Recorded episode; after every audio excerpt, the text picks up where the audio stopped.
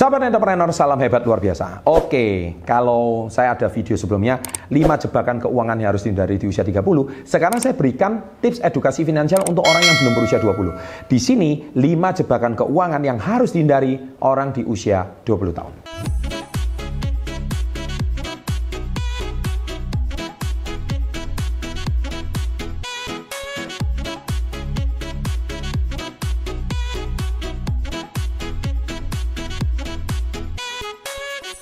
Oke, sekarang tips-tips finansial apa saja yang saya bisa berikan sebelum usia 20 tahun? Ya, nah ini adik-adik yang belum nonton yang nonton video saya sebelum usia 20 tahun yang mungkin masih usianya belasan, saya kira ini uh, video yang sangat tepat untuk Anda. Nah, ini tips juga saya sudah terapkan sebelum saya usia 20. Semoga tips ini adik-adik setelah mendengarkannya Anda bisa terapkan dan kemungkinan setelah 20 kalau Anda bisa memiliki edukasi finansial seperti ini dengan baik, setelah 20 ke atas sampai 30 Anda menjadi orang yang luar biasa. Yang pertama, hindari membeli sepatu terlalu banyak. Nah, ini Kadang-kadang adik-adik yang usianya masih belasan, Anda itu suka nonton reviewer, lihat sepatu high beast, sepatu harganya 3 juta, 4 juta, wah keren ya. Apalagi kalau lihat teman-temannya punya sepatu bola yang keren, sepatu basket yang keren, wah Anda juga pengen punya. Nah itu akhirnya, sekali lagi, sepatu kalau sudah Anda beli, Anda jual kembali itu nggak ada harganya. Sekali lagi, nggak ada harganya. Ya, jadi itu nggak ada nilai investasinya sama sekali. Jadi menurut saya kalau Anda belum punya kemampuan daripada Anda membuat orang tua Anda pusing, lebih baik menurut saya sepatu itu Anda miliki tapi yang secukupnya. Jangan koleksi sampai terlalu banyak, sampai pula koleksi sepatunya puluhan. What for? Buat apa? Ya. Itu yang pertama. Yang kedua, membeli HP dengan cara mencicil. Ah, ini saya sih nggak terlalu rekomendasikan. Lebih-lebih HP-nya setelah Anda beli, HP-nya dibuat pamer setelah pamer, HP-nya nggak bisa difungsi untuk kerja. Ya kan, Anda belinya iPhone, Anda belinya Samsung harga yang uh, sampai jutaan, tapi setelah itu nggak ada fungsinya. Iya kalau HP-nya buat kerja, bisa menghasilkan uang.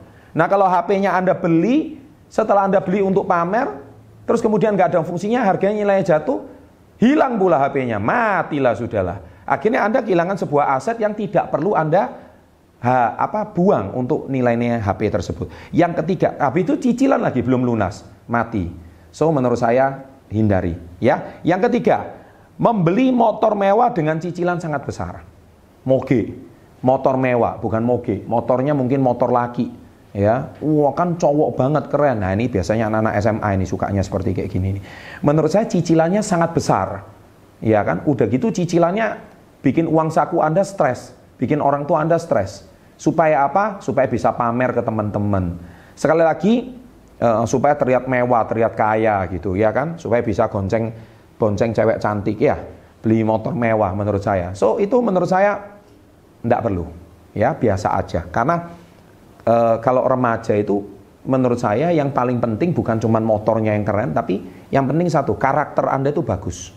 Kalau karakter Anda itu kuat, nih saya meskipun motor Anda nggak keren, tapi karakter Anda mengalahkan harga motor yang keren. Yang keempat, tidak mulai belajar skill orang kaya. Sekali lagi itu sama. Jadi banyak saya waktu usia 17, kalau saya pribadi waktu saya usia 17, saya sudah menjadi guru les. Saya nggak nggak masalah saya dicap miskin, saya dicap nggak punya duit. I don't care about it. Saya nggak nggak nggak peduli itu. Ya bagi saya orang eh, teman-teman saya punya mobil rata-rata, tapi itu mobil orang tuanya. Saya usia 17 nggak punya mobil ya kan nggak punya mobil biarin aja. Saya naik motor motor itu pun pemberian orang tua. Dan harus saya saya harus rawat motor itu dengan bagus gitu. Nggak masalah. Tapi sekali lagi saya katakan tidak mulai belajar skill orang kaya. Dan alhasil apa yang terjadi? Alhasil yang terjadi adalah ya saya memberikan nafkah sebagai guru lah. Saya mulai belajar jadi reseller. Dan saya starting company saya yang pertama. Nah itulah ya, makanya zaman sekarang orang anak orang-orang yang sukses ya kan tanding bisnis gitu loh. Saya bisa menghasilkan make money berapa, bukan tanding HP-nya apa. Ya, menurut saya kedewasaannya nggak teruji di usia 20-an. Seperti itu, ya. Dan yang kelima, nah ini, ini yang paling parah ini. Jebakan pinjaman online atau pinjol. Nah, ini yang sangat tidak saya referensikan. Apalagi pinjol muncul di sosmed. Mau dapat kredit langsung cair satu juta rupiah, 2 juta rupiah. Anak-anak muda kadang nggak suka langsung ambil itu. Atau ikut trading, ya kan? apa? Ya sebut aja bitit itulah ya. Bino tit. Nah itu dia. Wah trading sekian cepat. Langsung menghasilkan money sekian. Anak-anak muda langsung wih enak banget ya dapat duit ya. Apalagi anak muda mungkin nasib anak kos ya duitnya lagi kering nggak dikirimin orang tua langsung ikut trading tambah jebol kamu.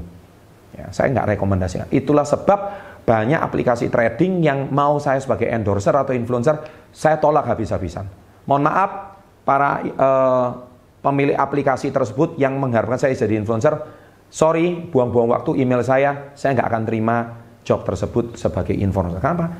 Tidak mengedukasi sama sekali. Ya, sekali lagi, kalau saya mengajarkan channel saya mengajarkan jadilah investor, bukan trader. Ya, saya tidak berminat jadi trader.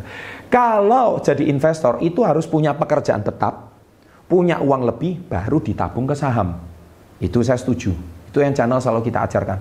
Tapi kalau saya mengajarkan trading hari ini untung satu persen jual, besok beli lagi, jual lagi, beli lagi. Maaf, maaf, saya nggak mengajarkan. Kenapa? Mungkin ada orang profesinya seperti itu, silakan Anda ikut dia. Tapi kalau saya, saya bukan tipikal orang seperti itu. Bebas, ya. Pak ada orang sukses dari dunia trading, terserah ikut dia aja. Nggak harus semua kok subscribe channel kita, nggak harus. Tapi kalau saya pribadi, saya tidak lakukan, saya nggak akan mengajarkan. Nah itulah saya secara pribadi seperti itu. Oke, jadi sahabat entrepreneur, saya hari ini bukan berarti, lupa itu profesi jelek atau tidak, saya tidak mau komen. Saya nggak mau komen itu jelek atau tidak, karena ada orang yang memang berhasil di dunia itu, tapi saya tidak mempelajarinya.